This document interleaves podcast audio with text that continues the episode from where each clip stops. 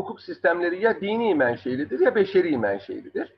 Dini menşeli olmak için beşer tarafından hazırlanıp da bu dinidir demek kifayet etmiyor. Hammurabi kanunnamesi gibi. Mutlaka kaynağının yani o dini dine inanılsın inanılmasın o ayrı bir meseledir. Neticede din bir inanç, bir e, vicdan meselesidir. Efendim ben inanmıyorum Allah'a da, peygamberlere de bunların hepsi uydurmadır diyebilir bir insan. Ama bu o hukuk sistemlerinin dini olmak hususiyetini halel getirmez. Bunu bu ihtiya, itirazi kayıtla konuşuyorum. Dini ve beşeri olmak üzere ikiye ayrılır dedik. Şimdi dini hukuk sistemleri çok e, çeşitli sayıda zuhur etmiştir. Çünkü İslam, dünya tarihi boyunca çok sayıda peygamber gelmiştir. E, İslam tarihleri, hadis-i şerifler bunun bu sayıyı 124 bin civarında veriyor. Yani kesin bir rakam yoktur. Çünkü rivayetler muhteliftir. Hatta bu rivayetlerde de kesin şu kadar peygamber gelmiştir demiyor. Peygamber Farsça bir kelime. Haber getiren demektir. Peygamber veya peyam haber demektir. Hatta vaktiyle bir gazete vardı. Peyamı sabah. Sabah haberi demektir. Peygamberler iki nevdir. Bunlardan bir tanesi müstakil bir din yani şeriat getiren e, peygamberdir. Diğeri başka bir peygamberin yani sahibi şeriat bir peygamberin dinine insanları davet eden peygamberdir. Birincisine Resul, ikincisine Nebi diyoruz. Peygamber Farsça bir kelime olmakla beraber Resul ve Nebi Arapça iki kelimedir. Kur'an-ı Kerim'de her ikisi de geçer, hadis-i şeriflerde her ikisi de zikredilir. Resul, elçi, Nebi, haberci demektir. Lugat olarak. Demek ki bazı peygamberler din getiriyor. Yalnız şurada e, şunu da söyleyelim. Bütün peygamberler arkadaşlar aynı inancı getirmişlerdir. Yani tarih boyunca ismini bildiğimiz ve bilmediğimiz, Kur'an-ı Kerim'de 25 tanesinin ismi bildirilir. Hadis-i şeriflerde bazıları zikredilir. E, bugün elde bulunan Tevrat'ta ve İncil'de bunlara ilave isimler vardır. Ama katı olarak hepsinin ismi bilinemiyor. Peygamber olduğu söylenen, e, tahmin edilen kişiler vardır. Ama bunlar hakkında da katı bir şey söylenmiyor. Hepsi aynı inanç esaslarını getirmiştir. Bu inanç esasları e, Müslümanların amentünün altı esası dediği altı esastır. Allah'a inanç, peygamberlere, kitaplara, meleklere, öldükten sonra dirilmeye yani ahiret gününe ve kadere inanç. Bu altı esas bütün dinlerde müşterektir. Hristiyanlıkta da, Yahudilikte de. E şimdi diyeceksiniz ki bugün Hristiyanlıktaki inanç esasları farklıdır. Hristiyanlar sonradan e, kateşizmini kurmuştur. Onun için e, bugün ellerinde bulunan İncil'lerde onların itikadına delalet eden açık hükümler yoktur. Ben Müslümanlık noktayı nazarından, çünkü en e, mütekamil din Müslümanlık olduğu için ve diğer bütün dinleri ihtiva ettiği için ve diğer bütün dinlere dair olabildiğince sahih malumatı İslamiyet verdiği için, olabildiğince dediğim yani her malumatı vermemiştir. E, İslamiyet'te olduğu için bu zaviyeden konuşuyorum. Yani bunu olarak değerlendirmemek lazım. Şimdi bütün dinler aynı inanç esaslarıdır. Fakat ibadetler ve e, hukuk sistemleri farklıdır. Nitekim bir doktora gittiğiniz zaman aynı kişiye hatta aynı hastalıktan dolayı e, ilaç verirken farklı ilaçlar verebiliyor. Çünkü insanın her hali bir değildir. Yani e, filanca hastalığa yakalandım, doktora gittim, bana şu ilacı verdi. Sonra gene aynı hastalığa yakalandım, aynı ilacı kullanayım do- değil. Çünkü şartlar değişebilir. Onun için arkadaşlar e, her peygamberin ayrı bir şeriat getirmesi de bu esasa müstenittir. Yani ayrı bir hukuk sistemi getiriyor. Fakat nebiler böyle değil. Nebiler önceki Resulün şeriatına çağırıyor. Bir misal vereyim. İbrahim peygamber zamanında Lut peygamber de var. İbrahim peygamber bir Resuldür, sahibi bir şeriattır. Lut ise onun şeriatına, onun dinine davet eden insanları. Musa peygamber zamanında kardeşi Harun ve yeğeni, kız kardeşinin oğlu Yuşa peygamberler var. Onlar sahibi şeriat değil, yani Resul değil, e, Nebidirler. Hazreti İsa zamanında Yahya peygamber var. Yahya peygamber sahibi şeriat değildir. 313 tane Resul, geri kalanının Nebi olduğunu Hazreti Peygamber bildiriyor. Şimdi İslam dini, İslam dini Arabistan'da doğmuş son semavi dindir. Bu dinin peygamberi olan Hazreti Muhammed 571 miladi senesinde dünyaya gelmiş. 632 miladi senesinde vefat etmiştir. Mekke-i Mükerreme'de dünyaya gelmiş, Medine-i Münevvere'de vefat etmiştir. Miladi yani güneş takvimine göre 61, ay takvimine göre 63 yıl yaşamıştır. Kendisi Hazreti İsmail'in soyundan bir Arap'tır. Soylu bir aileye mensuptur. 40 yaşına geldiği ve e, itibarlı, şerefli, mükerrem bir hayat yaşamıştır. 40 yaşına geldiği zaman kendisine peygamber olduğu bildirilmiştir. Ve Cebrail vasıtasıyla kendisine Kur'an-ı Kerim adında bir kitap indirilmiştir. Bu kitap 23 sene nazil olmuştur, inmiştir 23 sene boyunca.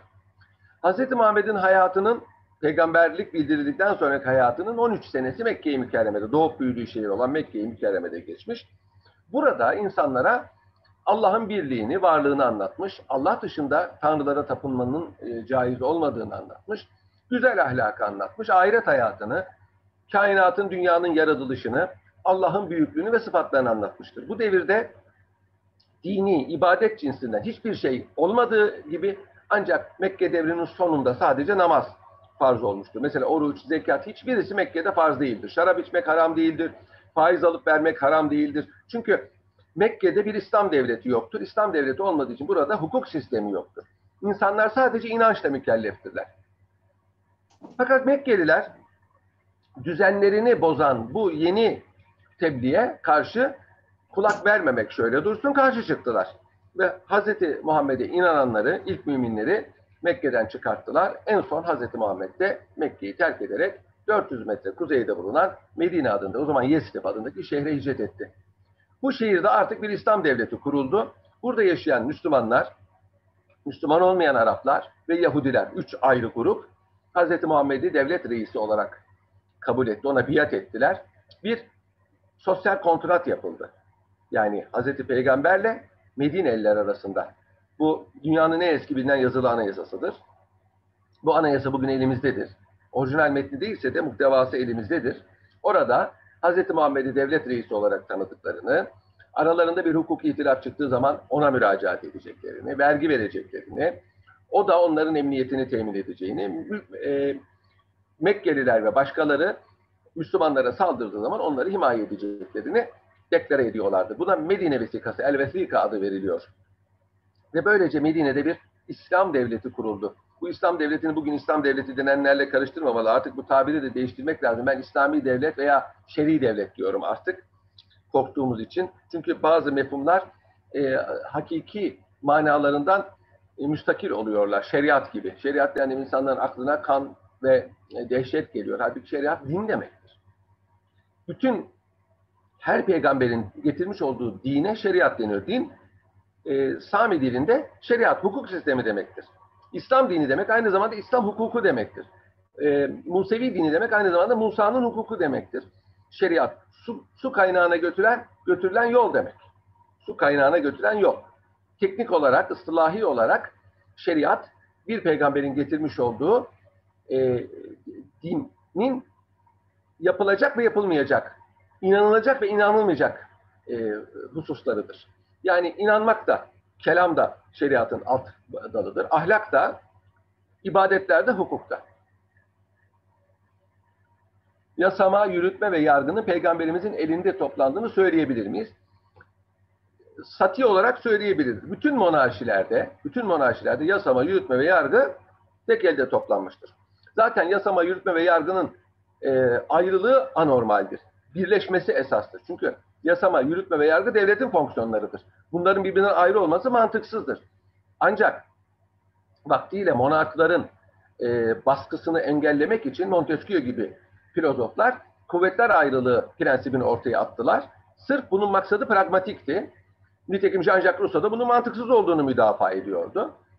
E, nitekim Cumhuriyet kurulurken de kuvvetler ayrılığına şiddetle bir e, muhalefet vardır. Mesela e, Gazi'nin pek çok sözlerinde kuvvetler ayrılığını iddia etmenin mecnunluk olduğunu söylüyor. Mecnun diyor.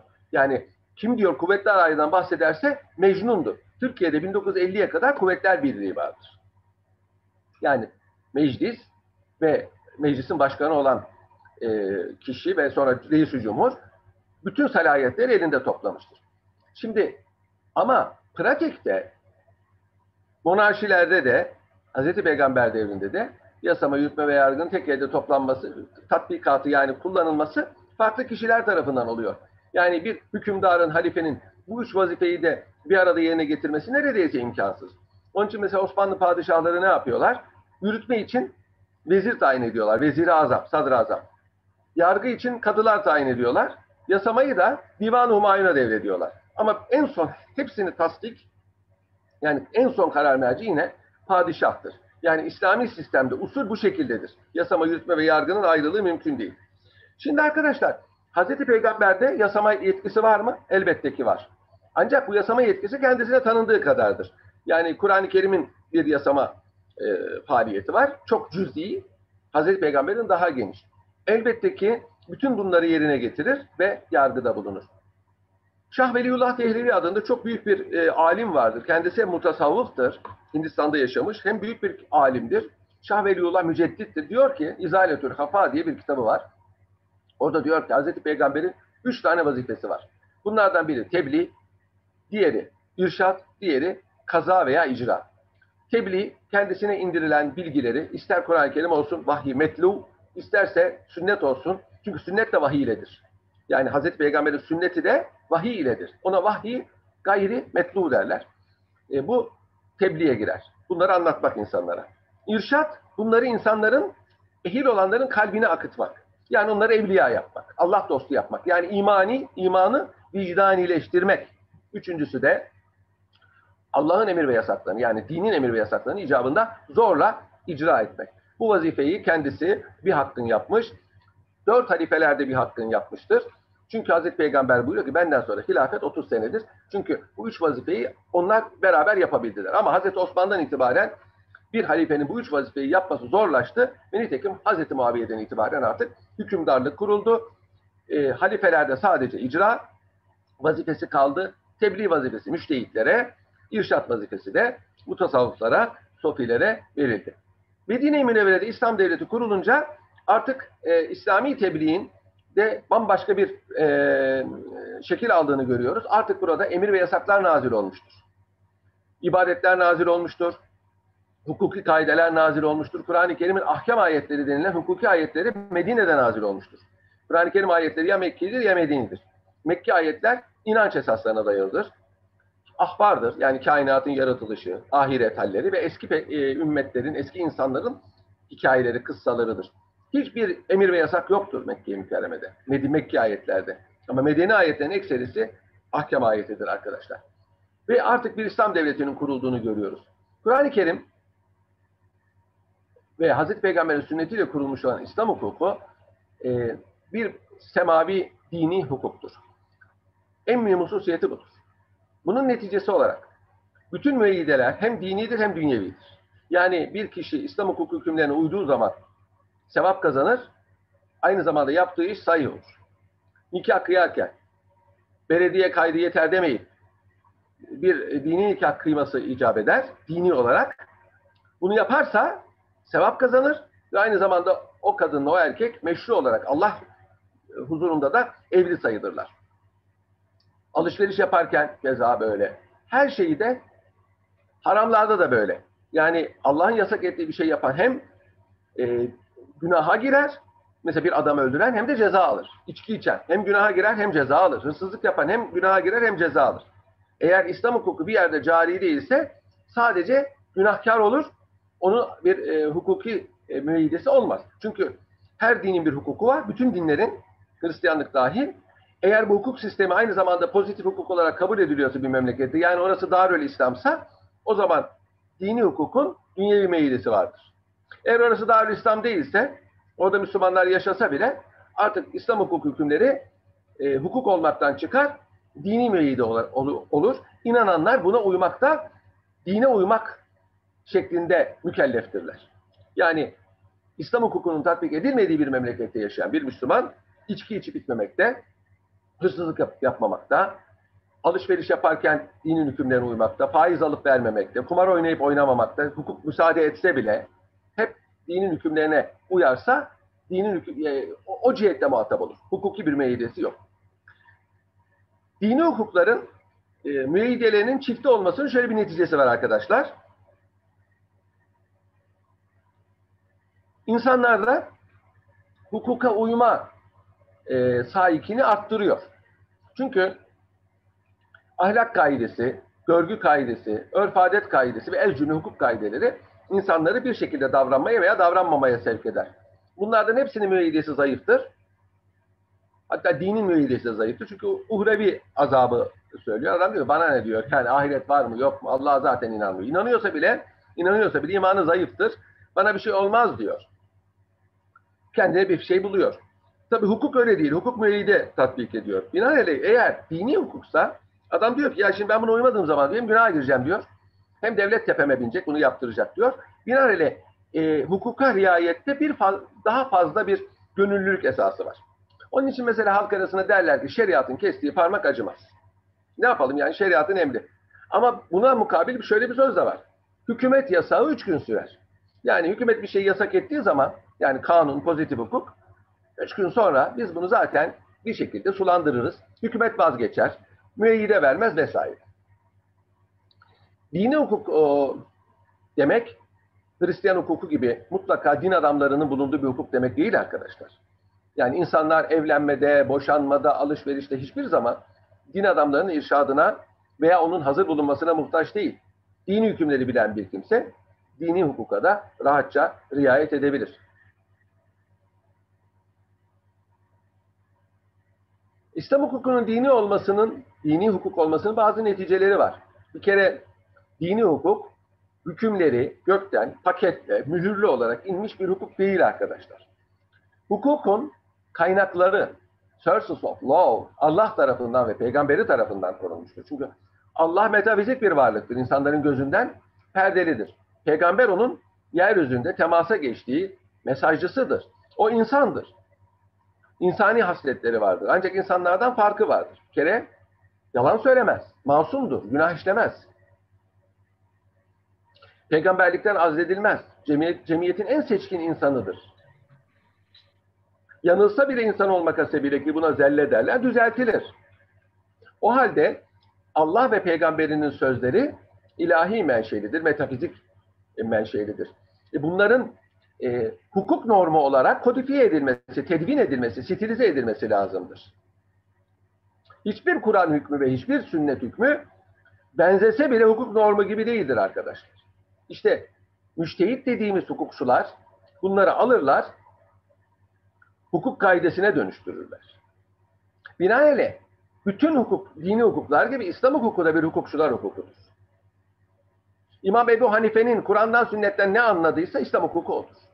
İmam Şafii Kur'an ve sünnetten ne anladıysa İslam hukuku odur. Kur'an ve sünnetten müştehit olmayan birinin anladığı İslam hukuku değildir. İslam hukuk, İslamiyet insanları ikiye ayırıyor. Müştehitler ve müştehit olmayanlar. Ayet-i kerime var. Müştehitler, Kur'an ve sünneti anlayabilen, bunu tefsir ve tabir edebilen, bunu hukuk normuna ve din kaidesine dönüştürebilen kişi demektir, alim demektir. Herkes müştehit olamaz. Müştehit olmak için bir takım vasıflar var. Nedir onlar? Kur'an-ı Kerim'i ezbere bilecek. Yetmez. Arapçayı Kur'an-ı Kerim nazil olduğu zamanki sanatlarıyla, belagatıyla, bedisiyle, meanisiyle, iştikakıyla, metniyle, hepsiyle gayet iyi bilecek. 12 tane alet ilmi vardır Arapçaya dair. Sarf ve nahiv ve ona mülhak ilimler. Bunları bilecek. Sonra Kur'an ayetlerinin iniş sıralarını, hangisinin önce hangisinin sona nazil olduğunu, hangisinin seferde hangisinin hazerde nazil olduğunu, bu Kur'an ayetinin hangi hadise sebebiyle veya hangi şahısla alakalı olduğunu, Kur'an-ı Kerim'de geçen zamirlerin kime raci olduğunu, bunların hepsini bilmesi lazımdır. Hazreti Peygamber'in Kur'an-ı Kerim'i nasıl tefsir ettiğini, sahabelerin Kur'an-ı Kerim'i nasıl tefsir ettiğini bilmesi lazım. Sonra Hazreti Peygamber'in yüz binlerce hadis-i şerifi var. Bu yüz binlerce hadis-i şerifi ravileriyle beraber ve raviyelerin yani rivayet edenlerin kişilikleriyle, doğum ölüm tarihleriyle, yaşadıkları yerleriyle yani biyografileriyle beraber bilmesi lazımdır. Bunların hangi hadise için söylendiğini bilmesi lazımdır. Kur'an-ı Kerim ve sünnette geçen mücmel ifadelerin yani özet ifadelerin veya garip kelimelerin yani alışılmamış ifadelerin ne manaya geldiğini bilmesi lazımdır. Üçüncü olarak Hz. Peygamber'in sahabilerinin ve ondan sonra gelen müştehitlerin bir mevzuda ittifak edip etmediklerini, etmedilerse ihtilaflarını bilmesi lazımdır. Bunları bilen bir kimseye müştehit deniyor. Bu tarihte az yetişmiştir. Ve belli bir zamandan sonra da zaten görülmemiştir. Yoksa kimse bunu men etmemiştir, yasaklamamıştır. İştihat kapısını kimse kapatmamıştır. Böyle bir salahiyeti yoktur. Ancak İslam dininde söz söyleme hakkı bunlara aittir arkadaşlar. Bunun dışında gelen insanlar ne kadar alim olurlarsa olsunlar yapacakları tek şey müştehitlerin sözünü sonra gelen insanlara nakletmektir. Müştehit olmayan birinin ne kadar takvalı olursa olsun, ne kadar iyi bir insan olursa olsun, ne kadar iyi niyetli olursa olsun Kur'an ve sünnetten hüküm çıkartması caiz değildir. İşte e, İslam dini, şey, İslam hukuku her ne kadar dini kaynaklı da olsa beşer iradesiyle vücut bulmuştur. Yani hukukçular hukukudur tıpkı Roma gibi. Roma'dan farkı Roma hukukunun kaynağı beşeridir veya e, ilahidir. Ama İslam hukukunun kaynağı ilahidir. Bu beşer iradesi bunları stilize ederken, hukuk normu haline getirirken kendinden bir şey ilave edemez. Evet, onun da ilave edebileceği yerler var. Nitekim birazdan göreceğiz. Kur'an ve sünnette hüküm yoksa, Kur'an ve sünnetteki hükme benzeterek bir hüküm koyabilir. Bu aslında beşeridir. Sanki bir beşer katkısı varmış gibi görülüyor ise aslında bu da gene dinidir. Çünkü bunu yapan müştehit mutlaka Kur'an ve sünnete benzetmek mecburiyetindedir. İslam hukukunun dini menşeli olmasının sebebi İslam hukuku devamlıdır. Bir otorite bunu kaldırmaya salayetli değildir. Bir memlekette bir kanun veya bir hukuk sistemini o memleketteki hukuki otorite herhangi bir sebeple, herhangi bir şekilde kaldırabilir. Artık hukuk tarihe karışır. Hukukla kimse amel etmez. Ancak hukuk tarihçileri meşgul olurlar. Fakat İslam hukuku aynı zamanda bir dini hukuk olduğu için bir memlekette tatbik edilmese de ki şu anda dünyanın hiçbir yerinde kemal manada tatbik edilmiyor İslam hukuku yürürlükten kalkmaz. Niçin? Çünkü İslam hukuku e, bağlı bulunduğu İslam dininin müntesipleri yaşadığı müddetçe insanların, inananların, dindar insanların tatbik edeceği kaideler ihtiva eder.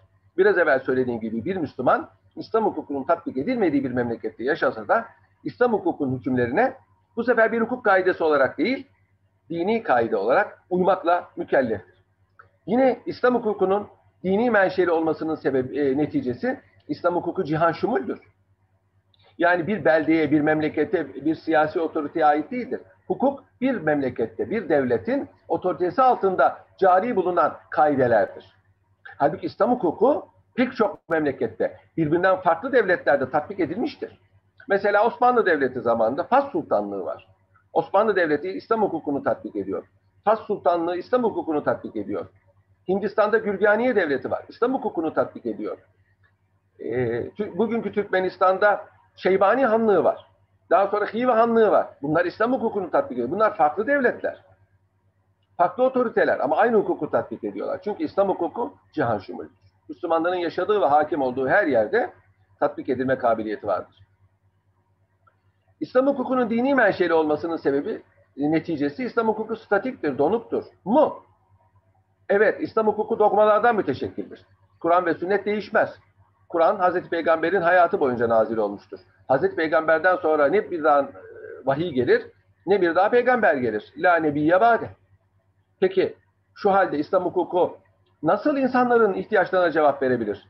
1400 sene önce gelmiş, 13 sene, 10 sene nazil olmuş ve ondan sonra artık yeni kaide koyma imkanı kapanmış.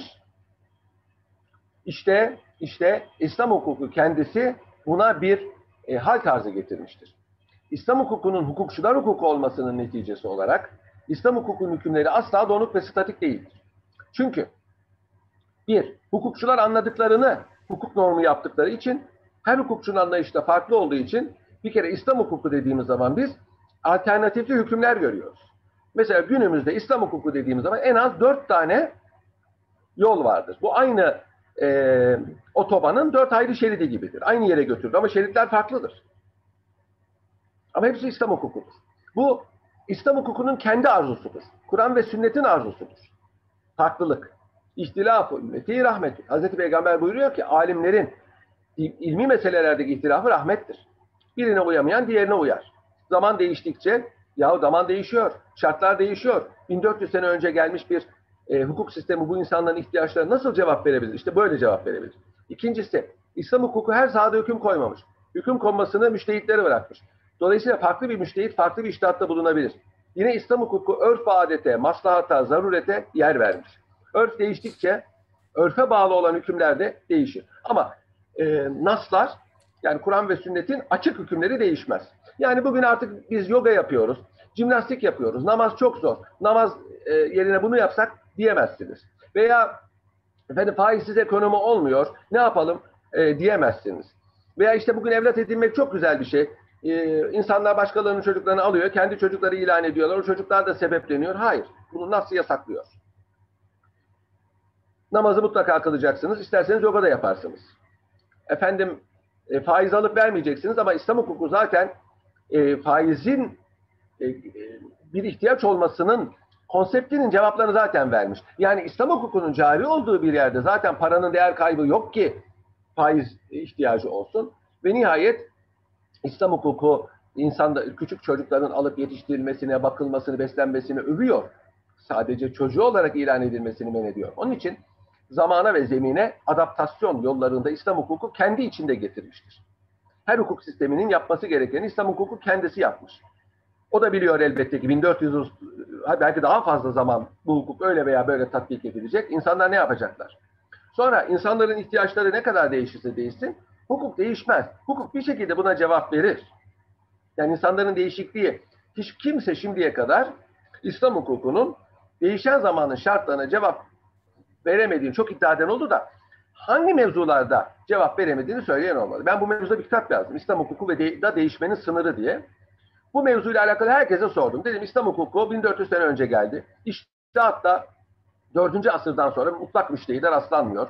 E, mezhepte müştehitler var ama günümüzde bu neredeyse yok denecek kadar az. Zaten İslami bir tedrisat yok. Mesela memleketimizde İslami bir tedrisat yok. Yasak bu. Tevhidi Tedrisat Kanunu Türkiye'de İslami tedrisatı yasaklıyor. Ancak merdiven altında veya yer altına inmiş tedrisatlar var. İşte şark medreselerinde, of medreselerinde veya bazı cemaatlerde. O da ne kadar sağlıklı. Peki e, siz bana bir misal verir misiniz? İslam hukukunda hangi mesele olmuş da İslam hukuku buna cevap verememiş. Ay'a gitmişler. Ay'a gidince İslam hukukunun hükümleriyle bunun ne alakası vardır? İslam hukuku aynı zamanda dindir. Din insanları belli bir kalıbın içinde tutar. Bu kalıbın dışına çıkan insanlar ben bu kalıbın dışına çıktım, din buna ne diyecek diyemezler. Kalıbın içinde kalırlarsa dinin ve hukukun onlara verecek cevabı elbette ki vardır. Yine İslam hukukunun dini olmasının neticesi prensip itibariyle bu hukukun cari olduğu memlekette yaşayan her dinden insana tatbik edilmek. Çünkü hukukun icabı budur. Ancak bu, bu yapılırken farklı dindeki insanların dini bazı hassasiyetlerine nazara alınmasıdır. Bir misal vereceğim. İçki içmek, alkol içmek, içki içmek İslam dininde günahtır. Ve aynı zamanda da suçtur. İçen kimse ağız kokusu gidene kadar 80 sopayla cezalandırılır. Ağız kokusu gitmesi artık cezalandırılmaz. Veya sarhoş olmuşsa cezalandırılır. Sarhoşluğu geçene kadar. Ondan sonra bir daha cezalandırılmaz. Sen bir ay önce içki içmiştin gel bakalım sana bir ceza verelim diyemezsiniz. Geçti artık zamanı. Şimdi ama şarap ve alkollü içkiler Müslümanlara haramdır. Müslüman olmayanlara haram değildir. Onun için bir Yahudi, bir Hristiyan içki içtiği zaman bundan dolayı cezalandırılmaz. Hatta bunlar içki alabilirler, satabilirler, imal edebilirler. Osmanlı Devleti'nde meyhaneler var. Hristiyanlar gayrimüslim meyhanelerde içki satıyorlar, ihmal ediyorlar. Devlet bunlardan vergi alıyor, müşkilat vergisi. Bunlar İslamiyet'e aykırı değildir. Hatta Kanuni Sultan Süleyman Sur içinde meyhane işletilmesini yasaklamış. Böyle bir salahiyeti var. Sultan II. Selim açtırmış. Tarihçiler İslam dinini bilmedikleri için diyorlar ki Sultan II. Selim içkiyi serbest etti. Hiçbir padişah, hiçbir halife içkiyi e, serbest kılamaz. Sur içinde gayrimüslimlerin içmesini ve alıp satmasına izin verdi. Binaenaleyh arkadaşlar İslam hukuku prensip itibariyle cari bulunduğu, pozitif hukuk olduğu her yerde tatbik edilir. Orada yaşayan herkese. Ancak gayrimüslimlerin hususi halleri, dinlerinden gelen halleri nazara alınır. Ancak eğer bir memlekette İslam hukuku pozitif hukuk değilse sa- sadece Müslümanları bağlar. Bu da bir ayrı e, prensiptir. İslam hukukunun hükümlerinden bir tanesi yine dini olmasıyla alakalı arkadaşlar. Kazuistiktir, meselecidir İslam hukuku. Tek tek böyle e, alışverişin şartları ayrı, hibe bağışlamanın ayrı, ariyetin ayrı, kiranın ayrı. Mesela ortak bir akit nazariyesi yoktur bugün borçlar hukukunda okuduğunuz gibi. Niçin yoktur? Çünkü İslam hukuk hükümlerinin kaynağı Nas'tır. Nas, ayet ve hadis. Ayet ve hadisler eğer farklı hükümler getirmişse siz bunlarda bir müşterek e, yer kuramazsınız. Mesela bir misal vereyim. İkisi yanlış oldu tabii. Ya mesela ya bir misal vereyim. E, bey akdinde, alışveriş akdinde mülkiyet akitle geçer. Yani bir şey alıp sattığınız zaman mülkiyet intikal eder arkadaşlar. Teslim etmeseniz de, parayı almasanız da mülkiyet intikal eder. Satım akdine çok benzeyen bir başka akit var. Hibe akdi, bağışlama. Bağışlamada, bağışlamada mülkiyet teslimle geçer. Halbuki bunlar ikisi de mülkiyetin devri neticesi doğuran akitlerdir. Ancak birinde akitle, diğerinde teslimle geçiyor. Neden? Çünkü Hazreti Peygamber buyurdu ki, hibe ancak kabz ile tamam olur. Yani teslimle o, tamam olur. Şimdi Hazreti Peygamber böyle söyleyince Nas'ta muhalif iştahat olmaz. Mevlid-i Nas'ta iştihada mesai yok. Mecelle kaidesi. O zaman ne diyor hukukçu? Satım akdinde mülkiyette geçer, hibe akdinde kabzla geçer. E siz o zaman ortak bir şey kuramazsınız ki. Akitlerde mülkiyetin geçme halleri. Her birinde ayrı. Mesela af, ceza hukukunda af. Ceza hukukunda af dediğiniz zaman her e, suç için ayrıdır bunun hükmü İslam hukukunda. Mesela e, adam öldürme kısas suçlarında af ancak ölenin yakınlarına veya mağdura aittir. Devlet affedemez. Had suçlarında yani mesela zina, içki içme gibi devlet de affedemez, şahıslar da affedemez. Devlete karşı işlenen suçlarda devlet affedebilir, şahıslara söz düşmez. Görüyor ki, görülüyor ki her şeyde hükümler ayrı. Siz o, o zaman tutup da İslam ceza hukukunda af dediğiniz zaman müşterek bir şey bulamazsınız. Bu sebeple İslam hukuku kazuistik yani meselecidir. Bu bir kusur değil aslında. Hatta adalete daha uygun. Her e, meselenin ayrı ele alınması daha adildir. Biraz işi zorlaştırır. Hukukçunun işini biraz zorlaştırır. Ama Roma hukuku böyleydi. Prusya Medeni Kanunu böyleydi. Rus Medeni Kanunu böyleydi. Yani Fransız Medeni Kanunu 3000 maddeye yakındır. Onun için kazuistik metot var ama bu umumi kaideler kurmaya da engel değil. Nitekim arkadaşlar hukukçular ta ilk zamanlardan beri İslam hukukunun umumi prensiplerini koymaya çalışmışlar. Yani İslam hukukunun benzer her hadise için müşterek olan e, bir e, şeysi var mı? Hükümleri var mı? Bununla buna çalışmışlar ve bundan külli kaideler doğmuştur. Mecellenin ilk yüz maddesini teşkil eden bir işten maksat neyse hüküm ona ona göredir. Adet muhakkemdir. Örf hakem e, hakem kılınır adet. E, zarar ve mukabele bir zarar yoktur. Zama, zarar vermek yoktur. Zarara zararla mukabele etmek de yoktur. Defi mefasit celbi menafiden evladır. Yani menfaat çekmekten bozuklukları gidermek önce gelir gibi pek çok kaide var. Bunlar İslam hukukunun umumi hükümlerini teşkil ediyor. Yani İslam hukuku kazuistik bir hukuk fakat umumi e, prensipler yok değildir. Şimdi arkadaşlar İslam hukukunun hususiyetlerinden bahsettik. Bir de İslam hukukunun kaynaklarından kısaca bahsedelim. Sizlerce de, sizlerce de maruftur ve belki müddetimiz de bunun hepsine yetmez ama umumi bir malumat vermek istiyorum.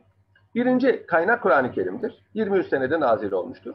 10 senesi Medine'de olduğu için ahkam ayetleri denilen ve İslam hukukuna dair hüküm koyan ayetler bu devirde nazil olmuştur. 800'den fazla ahkam ayeti vardır Kur'an-ı Kerim'de. 6236 ayet, 114 sure. Bu o, 23 sene süren bir nüzul. Kur'an-ı Kerim umumi hükümler getirir bazen. İşte e, emanet ehline veriniz. Kimsenin malını haksız yere yemeyiniz. Bunlar umumi hukuk kaideleridir. Bazen e, tafsilata girmeden hususi hükümler koyar. İşte hırsıza verilecek ceza, efendim e, gibi zekat verilmesi gerektiği gibi ama tafsilata girişmez. Üçüncüsü bazen tafsilata girişir. Bilhassa miras hisselerinde arkadaşlar ve evlenme yasaklarında Kur'an-ı Kerim tafsilat vermiştir. Tafsilat vermiştir.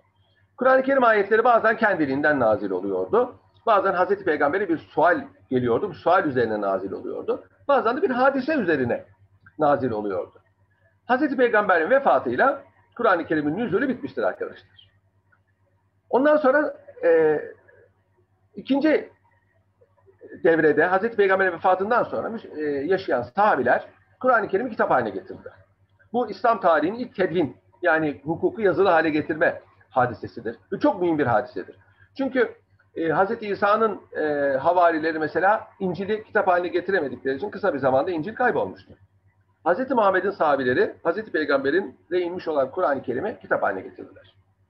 Kur'an-ı Kerim'in e, şekli Hz. Peygamber'e geldiği gibidir. İniş sırasına göre değildir. Uzunluk kısalık sırasına göre değildir. Yani bir ayet daha sonra, ondan sonra gelen ayet daha önce inmiş olabilir. Bu Cebrail'in Hazreti Peygamber'e bildirdiği şeklidir. Tepkifidir. Kur'an-ı Kerim'in her cümlesine ayet, her kısmına da sure adı veriliyor. Hazreti e, Ebu Bekir zamanında Kur'an-ı Kerim toplanmış, kitap haline getirilmiş ve buna mushaf denmiştir. Bu mushaf Ceylan derisine yazılarak, çünkü Hazreti Peygamber Kur'an-ı Kerim her geldiğinde okuma yazma bilen sahabeleri çağırır, bunları yazdırırdı. O zaman kağıt yok. Henüz kağıt dünyada bilinmiyor. Kağıt e, Hazreti Peygamber'den 100 sene kadar sonra Çinliler, Uygurlar vasıtasıyla Araplara, Araplardan Avrupa'ya geçmiştir. Avrupa kültürünün köprüsü Araplar olmuştur. Arap dünyası, Müslüman Arap dünyası olmuştur. En çok kullanılan yazı malzemesi hayvan kemikleridir. Hurma lifleridir, dayanıksız olmakla beraber. Parşömen ve papyrus Arap e, e, beldelerinde, Hicaz'da çok yaygın değil. Ve mühim şeyler ceylan derisine yazılıyor. Musab ceylan derisine yazıldı ve Hazreti Peygamber'in hanımı Hazreti Hafsa'ya tevdi edildi. Okuma yazma biliyordu. Hazreti Ömer'in kızıydı. Hazreti Osman zamanında Kur'an-ı Kerim'in tekrar bu sefer Kureyş lehçesiyle yazıldığını biliyoruz. Kur'an-ı Kerim Kur'an-ı Kerim e, Arapçanın yedi lehçesi var. İşte Kureyş lehçesi var. Tevazin, Sakif, Kuzeyil, Tay vesaire vesaire. Bunların hepsine göre okunabilecek şekilde indirilmiştir. Mesela manünsah, manünsah diye de okunabilir.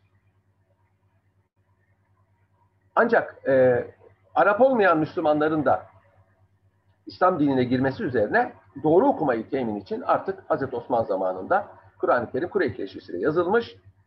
Önceki nüsha imha edilmiş. Yedi nüsha yazılarak işte Küfe'ye, Basra'ya, Yemen'e, Şam'a, e, Mekke'ye gönderilmiştir. E, bir nüsha Hazreti Osman'ın nezdinde kalmıştır ki okurken şehit edildiği nüshadır. Topkapı Sarayı'nda olduğu rivayet ediliyor. Buna İmam-ül Mesa e, Mesahif derler. Bugüne gelen bütün Kur'an-ı Kerimler işte bu musaflardan çoğaltılmıştır. İşte bu hadise Sünnilerle Şiiler arasındaki bir ihtilafında kaynağını teşkil eder. Şiilere göre Hazreti Osman, Hazreti Ali'ni anlatan Kur'an-ı Kerim'in üçte ikisini saklamıştır. Bugünkü Kur'an, Kur'an-ı Kerim'in üçte biridir. Geri kalanı Hazreti Ali'nin faziletlerini anlatıyordu ve bu Hazreti Osman tarafından saklanmıştır derler. Surelerin şimdiki sıralaması neye göredir? Bu Hazreti Peygamber'in sahabileri tarafından tespit edilmiştir. Yani burası Bakara suresi, burası Nisa suresi, burası Maide suresi. Bunları sahabiler tespit etmiştir. Tabi Hazreti Peygamber'den duydukları e, da nazara alarak. Ama surelerin dizilişi yani Fatiha-i Şerife ile başlayıp Nas suresiyle bitmesi Hazreti Peygamber tarafındandır. Ama surelerin bölünmesi sahabeler tarafından iştihadidir. Diğeri tevkifidir, bu iştihadidir. Ama dediğim gibi yani Maide suresini başa alalım Fatiha'yı öyle değil sahabelerin yaptığı. Buradan itibaren Maide suresi başlıyor. Buradan itibaren Nisa bunu sahabiler tayin etmiştir. İsimler zaten sonradan verilmiştir. Surelerin isimleri Hazreti Peygamber zamanında bazen kullanılmış. İçinde Bakara geçen sure derdi mesela. Kadınlardan bahseden sure. Onun için mesela ona Nisa suresi denmiş. Ona Bakara suresi denmiş. Her surenin çok farklı isimleri vardır. Kur'an-ı Kerim'e Hazreti Ali'nin gayretleriyle nokta konmuştur. Arap alfabesi çok eski bir alfabe arkadaşlar. Hazreti İsmail'e kadar dayanan bir alfabe. Aslında insanlığın en eski kullandığı alfabelerden birisidir. Bütün alfabeler yazı ve e, işaret dışında hepsi Latin e, Arap alfabesinden çıkmıştır. Ama Arap değil tabi o zaman. Sami alfabesi. Bugün İsraillerin kullandığı İbrani alfabesi, Süryanilerin kullandığı alfabe bunlar hepsi Arap alfabesindendir. Latin alfabesi, Yunan alfabesi, Kiril alfabesi, Sanskrit bunlar hepsi Arapçadan yani Sami alfabesinden çıkmış alfabelerdir. Fenikeliler vasıtasıyla çıkmış alfabelerdir. Hieroglif, resim yazısı ve çivi yazısı birbirinden farklıdır. Şimdi arkadaşlar nokta olmadığı için Hazreti Ali zamanında bunlara nokta kondu. Araplar okuyabiliyordu. Mesela bir vav, şöyle bir çengel çizersiniz. Bu V harfidir. Üzerine bir nokta koyarsınız F olur. İki nokta koyarsınız K olur. İşte Araplar bunu bildiği için doğru okuyordu. Arap olmayanlar da Müslüman olunca nokta kondu. Daha sonra Emeviler zamanında da hareke kondu. Çünkü Arapçada sesli harfler yok. E mi okunacak, İ mi okunacak, Ö mü okunacak önü bu şekilde tespit edildi. Hazreti Peygamber'den e, e, özür dilerim. Kur'an-ı Kerim'den sonra Kur'an-ı Kerim'den sonra e, sünnet geliyor. Sünnet yol, çığır demektir. Hazreti Peygamber'in sözleri, yaptıkları veya bir şeyi görüp de men etmemesi İslam hukukunun ikinci delilidir. Delil olma sıfatını Kur'an-ı Kerim'den alır. Kur'an-ı Kerim'in pek çok ayetinde peygambere uyun, peygamber size neyi emrederse kabul edin, neyi yasaklarsa ondan kaçının buyruluyor. Binaenaleyh bir şey sünnette varsa Kur'an-ı Kerim'de var demektir. Ben yalnız Kur'an'a uyarım, sünnete uymam demek e, gayri İslami bir söz ve gayri İslami bir inançtır. Kur'an-ı Kerim'de Allah ve peygamber her zaman bir arada zikredilir. Peygamber bir şeyi emretmek, yasaklamak, haram kılmak, farz kılmak salayetine sahiptir. Farzlar, haramlar Kur'an'da, sünnetler, mekruhlar, sünnette böyle bir şey yok arkadaşlar. Hazreti Peygamber'in yasak ettikleri Kur'an-ı Kerim'in yasak ettiklerinden fazladır. Hazreti Peygamber'in emrettikleri Kur'an-ı Kerim'in emrettiklerinden fazladır. Hazreti Peygamber'in sünneti e, sağlığında yazılmaya başlandı. Zannedildiği 200 sene sonra yazılmadı. E, Emeviler zamanında, Ömer bin, Abdül, e, Ömer bin Abdülaziz zamanında toplanmaya başlandı. Bütün o yazılı nüshalar toplandı. Ve bu hadise 100 sene devam etti. Hazreti Peygamber'den 200 sene sonra Hazreti Peygamber'in bütün hadisleri yazıya geçirildi. Yani bu 200 sene süren bir faaliyettir. 200 sene sonra biri çıkıp da Hazreti Peygamber'in hadis diye bir şey yazmamıştır. Hazreti Peygamber'in hadisleri e, sünneti hadislerle rivayet edilir. Hadisleri Hazreti Peygamber'in sahabeleri rivayet eder. Başta senet. Kim kimden rivayet etti, kim kimden onu yazar. Altında da e, sünneti anlatır. Bu rivayet edenlerin akli melekelerine, fıkhi güçlerine göre hadis-i şerifler tasnif edilmiştir. İşte sayı hadis, zayıf hadis, mevzu hadis, ahad hadis, mütevatir hadis, meşhur hadis, mezhepler arasındaki ihtilaflarda bunlardan doğmuştur arkadaşlar. Üçüncü kaynak icmadır. Hazreti Peygamber'in e, vefatından sonra müştehitlerin bir mevzunun halli hakkında icma etmeleridir. Bazen Kur'an ve sünnette zaten bildirilmiş olan bir şey üzerine icma ederler. Bu onu kuvvetlendirir. Bazen de Kur'an sünnette geçmeyen hususlarda icma ederler. Bu Kur'an ve sünnetten sonra herkesi bağlar. Bunun da bağlayıcılığı ayet-i kerime ve hadis-i şeriflerledir. Bir mesele hakkında İslam hukukçusu müştehit önüne bir mesele geldiği zaman Kur'an ve sünnette açık bir hüküm yoksa kendinden önceki müştehitlerin icmalarına bakar. Orada da bir şey bulamazsa kendisi kıyas yapar. Nasıl kıyas yapar? Kur'an ve sünnette çözülmüş bir meseleye benzeterek kıyas yapar. Hazreti Peygamber buyurdu ki Muris'i öldüren miras alamaz. Yani bir kimse e, Muris'ini öldürürse ondan miras alamaz. La ayrıse katil. Peki vasiyet dehtanı öldürürse böyle mi? Bir kimse bir kimseye vasiyet etse o da onu öldürürse mirası onunla alakalı bir delil yok. İşte o da ona benzetiliyor. Nasıl ki miras alan varis Muris'i öldürürse miras alamıyorsa Musa aleyhde Musi'yi öldürürse yani vasiyet edilen de vasiyet edeni öldürürse miras alamaz. Bu kıyastır. İslam hukukunun hükümlerinin çoğu kıyas yoluyla sabit olmuştur. Bu İslam hukukuna dinamizm ve esneklik kazandırıyor. Zaman içinde yeni kıyaslarla İslam hukuku zenginleştirilebilir ve değişen zamanın şartlarına adapte olabilir. Ancak bazen kıyasla meseleyi çözmez. O takdirde İslam hukukçuları o meselede zaruret var mı? Maslahat yani kamu düzeni var mı? Yoksa örf adet var mı? Ona bakarlar ve kıyastan farklı bir çözüm benimserler. Hanefiler bunu çok kullanmışlar. Yani kıyas yapmadan önce örfe bakılır. İnsanlar arasında bir örf var mı? Örfe göre hüküm verilir. Örf yok ama zaruret var, ihtiyaç var. O zaman ihtiyaca göre hüküm verilir. Mesela olmayan bir şeyin satışı caiz değildir İslamiyet'te. Ama insanların buna ihtiyacı var. Selam akdi ve istisna akdi böyle gelmiştir. Borçlar hukukundan hatırlayın. Olmayan bir şeyin satışı ya selam yoluyla ya sipariş, istisna yoluyla olur. Bu istihsan yoluyla gelmiştir. İşte zoriyet var, ihtiyaç var. Beybil vefa, kredi bulamayan insanları müracaat ettiği ön alım şartıyla satış. Böyle gelmiştir. Hukukçu burada kıyası bırakıyor, örfe bakıyor, zarurete bakıyor ve maslahata, kamunun düzen, umumun düzen e, ihtiyacına bakıyor arkadaşlar.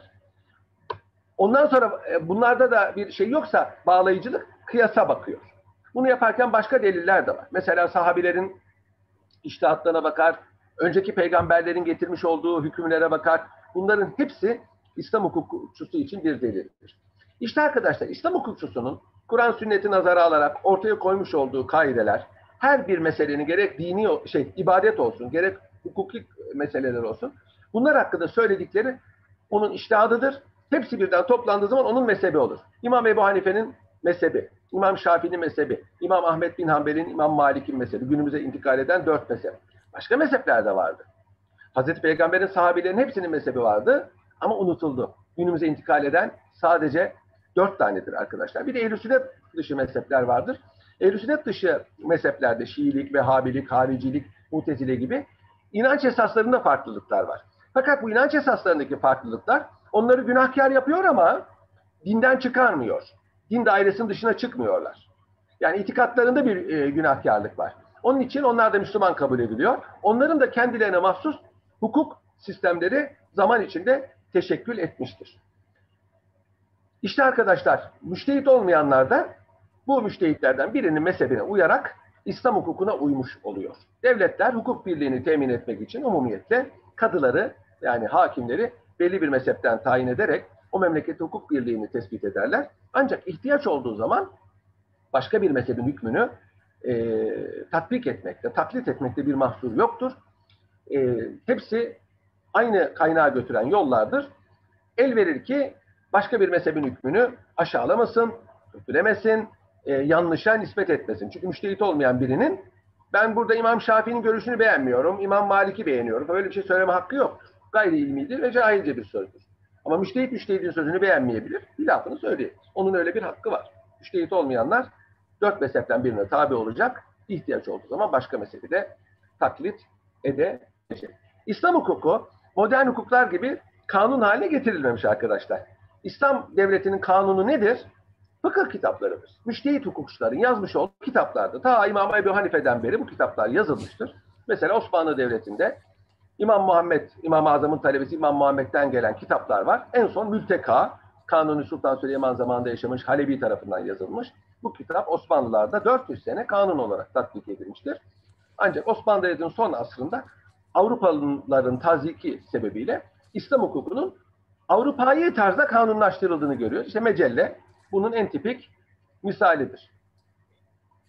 İslam hukuku çok evlilik hakkında ne diyor? Kur'an-ı Kerim erkeklerin adalete riayet etmek kaydıyla en fazla dört kadınla evlenebileceğine izin veriyor. İslam hukukundan önceki bütün hukuk sistemlerinde birden fazla evlilik, sayısız evlilik cariydi. İslam hukukunu tahdit etmiş ve adalet şartına bağlamıştır. Bu sebeple İslam tarihinde birden fazla kadınla evli erkek sayısı çok azdır. Bu belli bir sebeple buna cevaz verilmiştir. Nüfusun artması, kadınların himayesi vesaire maksatlarla hangi konularda Müslümanlar ve gayrimüslimler ayrı hükümler var? İşte, işte gayrimüslimlerin hukukunda hangi meseleler ayrıysa o. İçki içmek mesela. Bir gayrimüslim içki içebilir, içki satabilir. Müslüman satamaz. Mesela bir Müslüman bir Müslümanın şarabını dökse ödemez. Ama gayrimüslimin şarabını dökerse öder. Çünkü onun için maldır. Yine mesela e, bir Müslüman iddet bekleyen bir kadınla evlenemez. Halasıyla teyzesiyle evlenemez. Hristiyanlar evlenebilir. Hristiyanlar bir Osmanlı mahkemesine geldiği zaman sen halanla nasıl evlendin? Sen evli değilsin. Sana ben bir zina cezası vereyim diyemez. Çünkü onların dini buna izin veriyor. Kürtlere Şafii, Türklere Hanefi kadı atanmamış. Hayır. Ee, Abbasiler zamanından beri kadılar tayin ediler ve kendi mezheplerine göre hüküm verirler. Yani şahısların me- mezhebi mühim değildir mahkemede. Şahıslar hangi mezhepten olursa olsun kadı efendinin mezhebi mühimdir. Zamanla hukuk birliği sebebiyle hep aynı mezhepten kadılar tayin edilmiş. Kadılar farklı mezhepten olsa bile hükümdar hangi mezhebe göre hüküm vermesini emrederse kadı o mezhebe göre hüküm verir. Abbasiler zamanından beri bütün İslam devletlerinde Hanefi mezhebi resmi mezhep olmuştur. Sadece Eyyubiler ve Memlükler zamanında Mısır'da e, Hanefi mezhebinin yanında Şafii mezhebinin de resmi mezhep olarak tatbik edildiğini görüyoruz. Ancak husus hayatlarında Şafii mezhebine uyabilirler, Malik'e uyabilirler. Ancak Osmanlılar e, fikir hürriyetine, vicdan hürriyetine, din hürriyetine çok ehemmiyet verdikleri için şimdiki devletlerin hiçbirisi gibi değil Osmanlı İmparatorluğu. Çok uluslu bir imparatorluk. Mekke, Medine, Şam, Halep, Bağdat, Kahire gibi farklı mezheplerden insanların yaşadığı yerlerde Hanefi kadısının yanına bir naip, vekil koyuyorlar. Şafi mezhebinde, Maliki mezhebinde isteyen o kadıya gidiyor. O kadı onun davasına o mezhebe göre bakıyor. Sonra bu hüküm Hanefi kadısına tasdik ettirilip icra ediliyor. Bu mesele böyle çözülmüştür. Yani insanların mezheplerine de saygı duymuşlardı. Şimdi devletler dinine bile saygı duymuyor. Bırakın mezhebini. Evet. Arkadaşlar söyleyeceklerim bu kadar. Sormak istediğiniz bir şey var mı? Bu yazılanlardan başka. Hızlı çekim oldu, süratli oldu ama yani bu manada, bu hususta söyleyeceklerimiz bunlardır. Oo, şeriatın gelmesi gerektiğini mi düşünüyorsunuz? Şeriat gelirse mevcut kanunlardan ne farkı olur? Şimdi arkadaşlar insanların gönlünde e, memleketin rejimi hakkında çok çeşitli düşünceler olabilir. Her yiğidin gönlünde bir aslan yatar. Kimisi komünizm keşke olsa, kimisi keşke şeriat olsa, kimisi keşke monarşi olsa. İyi bilir. Bu, buna diyecek bir şey yok. Fakat ortada bir de realite vardır. Ortada bir de realite var. İnsanlar keşke şeriat gelse, keşke şer'i prensipler tatbik edilse düşünebilir ama bu mümkün değil. Şu anda dünyanın hiçbir yerinde, Türkiye'de buna dahildir, şeriatın geri gelmesi, kanunların şeriata göre tanzim edilmesi imkanı ve ihtimali yoktur arkadaşlar. Bulutsuz yağmur demektir bu. Çünkü İslam hukukunu ne bilen vardır Türkiye'de ne tatbik edebilecek sayıda insan vardır. Bunun hiçbir kere medrese yok Osman Türkiye'de. İslami ilimler ve İslam hukuku okutulmuyor. İnsanlar kendi ferdi gayretleriyle, inisiyatifleriyle İslam hukukuna çalışıyorlar ve okuyorlar. Bu bir. İkincisi bu büyük bir inkılap demektir. Yani şer'i kanunların tekrar gelmesi e, büyük bir inkılap demektir. Ancak şu söylenebilir. Benim e, arzum ve temennim şudur. Dünyanın her yerinde çok hukukluluk kabul edilmelidir. Osmanlı Devleti'nden beri ceza hukuku müstesna, vergi hukuku müstesna. Çünkü zaten şer'i olmayan bir devlette İslam ceza hukuku tatbik edilmez. Ancak evlenme, boşanma, miras gibi hususlarda Müslümanlar, Yahudiler, Hristiyanlar kendi dinlerine uymak isteyebilirler. Osmanlılar, Osmanlılar bunu yaptılar. Osmanlı Devleti'nde Müslümanların mahkemeleri olduğu gibi Hristiyanların ve Yahudilerin ayrı mahkemeleri var. Bakın bugün Osmanlı Devleti'nden ayrılan bütün devletlerdeki İsrail buna dahildir. Bu çok hukukluluk tatbik ediliyor. İsrail'de Müslümanların ayrı mahkemesi vardır. Şeriat tatbik edilir orada. Evet, İsrail'de şeriat tatbik edilir. Hristiyanların ayrı mahkemesi vardır. Orada da kilise hukuku tatbik edilir. Mısır'a gidin, Hristiyanların Yahudilerin ayrı mahkemesi vardır. Suriye'de, Lübnan'da, Irak'ta hepsinde Hristiyanların Yahudilerin ayrı mahkemesi vardır. Bırakın bunları Hindistan'da, Seylan Adası'nda, Tayland'da, efendim Uganda'da, Yunanistan'da, Kanada'da, İngiltere'de Müslümanların ayrı mahkemesi vardır. Türkiye'de yoktur. Çok hukukluluk insan haklarına ve demokrasiye daha uygundur. İsteyen Müslümanlara ait mahkemeye gitmelidir. Hakem heyeti gibi. İsteyen Yahudilere ait mahkemeye gitmelidir. Türkiye'de Yahudi ve Hristiyanların da böyle bir hakkı yoktur. Ancak budur. Yani e, Türkiye için olabilecek e, en ideal çözüm bütün dünya için. Gayretlerin maksadı Mehdi'nin zuhurudur. Mehdi'nin zuhurunda İslam hukuku bütün dünyada tatbik edilecektir. Tanıdığım biri vefat edince vasiyet olarak mirasının İslam hüküm, İslami hükümlere göre bölünmesini vasiyet etmişti. Mirasçı da böyle yaptı. Evet. Buna müsaade var. Yani günümüz hukuku da buna müsaade ediyor. Çünkü varisler biliyorsunuz miras kanunları e, amir değildir. İnsanlar, e, varisler ki İslamiyet'te de böyledir. Modern e, medeni kanunda da böyledir. Mirası diledikleri gibi paylaşabilirler. Ancak varislerden biri itiraz ederse o zaman iş mahkemeye düşer ve mahkeme medeni kanuna göre taksim yapar. Halbuki ölen adam dini bütün bir Müslüman mirasının İslam hukukuna göre taksim edilmesini istiyor. Vasiyet edemiyor. Varise vasiyet İslamiyet'te yasak. E, hibe edemiyor. Medeni kanunu da engel oluyor. Dolayısıyla bir insanın mesela Türkiye'de yaşayan bir Müslümanın kendi malını, terekesini İslami kaidelere göre varislerine intikal ettiremiyorlar. Bu mesela e, inanç hürriyetine aykırıdır. Çünkü inanç hürriyeti sadece ibadet ve cami demek değildir arkadaşlar. Bir devlette efendim camiler açık, istediğiniz ibadet ediyorsunuz, kiliseler açık dedik, dedik, dedikten sonra eğer orada o dinin bütün hükümlerinin infazına izin verilmiyorsa orada din ve vicdan hürriyeti yoktur. Hristiyanlıkta, Yahudilikte, Müslümanlıkta hukuki kaideler getirir. Hukuk kaideleri eğer bir memlekette tatbik edilmiyorsa din ve vicdan hürriyeti yoktur. Osmanlı Devleti'nde ediliyordu, orada vardı. Ama modern devletlerde, Türkiye gibi, Fransa gibi edilmiyor. Dolayısıyla din ve vicdan hürriyeti noksandır arkadaşlar. Kur'an'da ve sünnette bugün nazariyesiyle bakılırsa insan haklarına aykırı cezalar var. Cezalar insan haklarına aykırı olmaz arkadaşlar. Cezanın üstünde bir ceza verilirse insan haklarına aykırı olur. Bir kere bu söz yanlış. Hukuk ne derse o odur. İnsan haklarına aykırı ceza olmaz. Çok istisnai de olsa el kesme gibi. El kesme bir cezadır. İnsan haklarına aykırı değildir. Biz bu cezaların ruhuna bakarsak yani el kesme hırsızlığı engellemek için de değil günümüz şartı uygun ceza getirmişler zaten. Fakat bu gayri dinidir. Tarihselciler böyle söylüyorlar. Bu İslam'a uygun değildir. Hırsız, hırsızlık bir suçtur, bir hastalıktır. Bunun cezası el kesmedir. Kur'an-ı Kerim el kesme diyor. Ancak el kesme cezasının tatbiki için o kadar ağır şartlar vardır. İslam tarihinde el kesme cezası neredeyse tatbik edilemez. Peki niye var bu ceza? Ay, caydırıcı olsun diye. Caydırıcı olsun yani insanlar kolay kolay başkalarının malını çalmasınlar. Çünkü mülkiyet hakkı masundur, e, dokunulmaz. Onun için her şeyi kendi bütünlüğü içinde görmek lazım. İslam hukukunun tatbik edildiği bir yerde nimet külfet karşılığı sebebiyle hiçbir şey insan haklarına aykırı olmaz. neticede insanlar dine uymakla mükelleftir. Din insanlara uymakla mükellef değildir. İnsan hakları dediğiniz şey ilk koyan, koyan İslamiyettir. Bitiriyorum. İslamiyettir.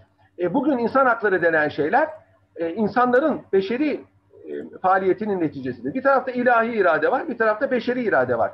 Siz ilahi iradeyi, beşeri iradeyi uyduramazsınız. Beşeri iradeyi, ilahi iradeyi uydurmanız lazımdır. Aksi takdirde layıklık olur. E zaten günümüzde de layıklık vardır. Layıklık eşittir. İlahi iradenin yerine beşeri iradenin konmasıdır. Kısaca cevap vereyim. Mezheplerde kolayımıza gelen hükümleri zaruret olmadan keyfi uygulayabilir miyiz? Hayır. Başka mezhebin hükümlerini uygulamanın bir şartı var.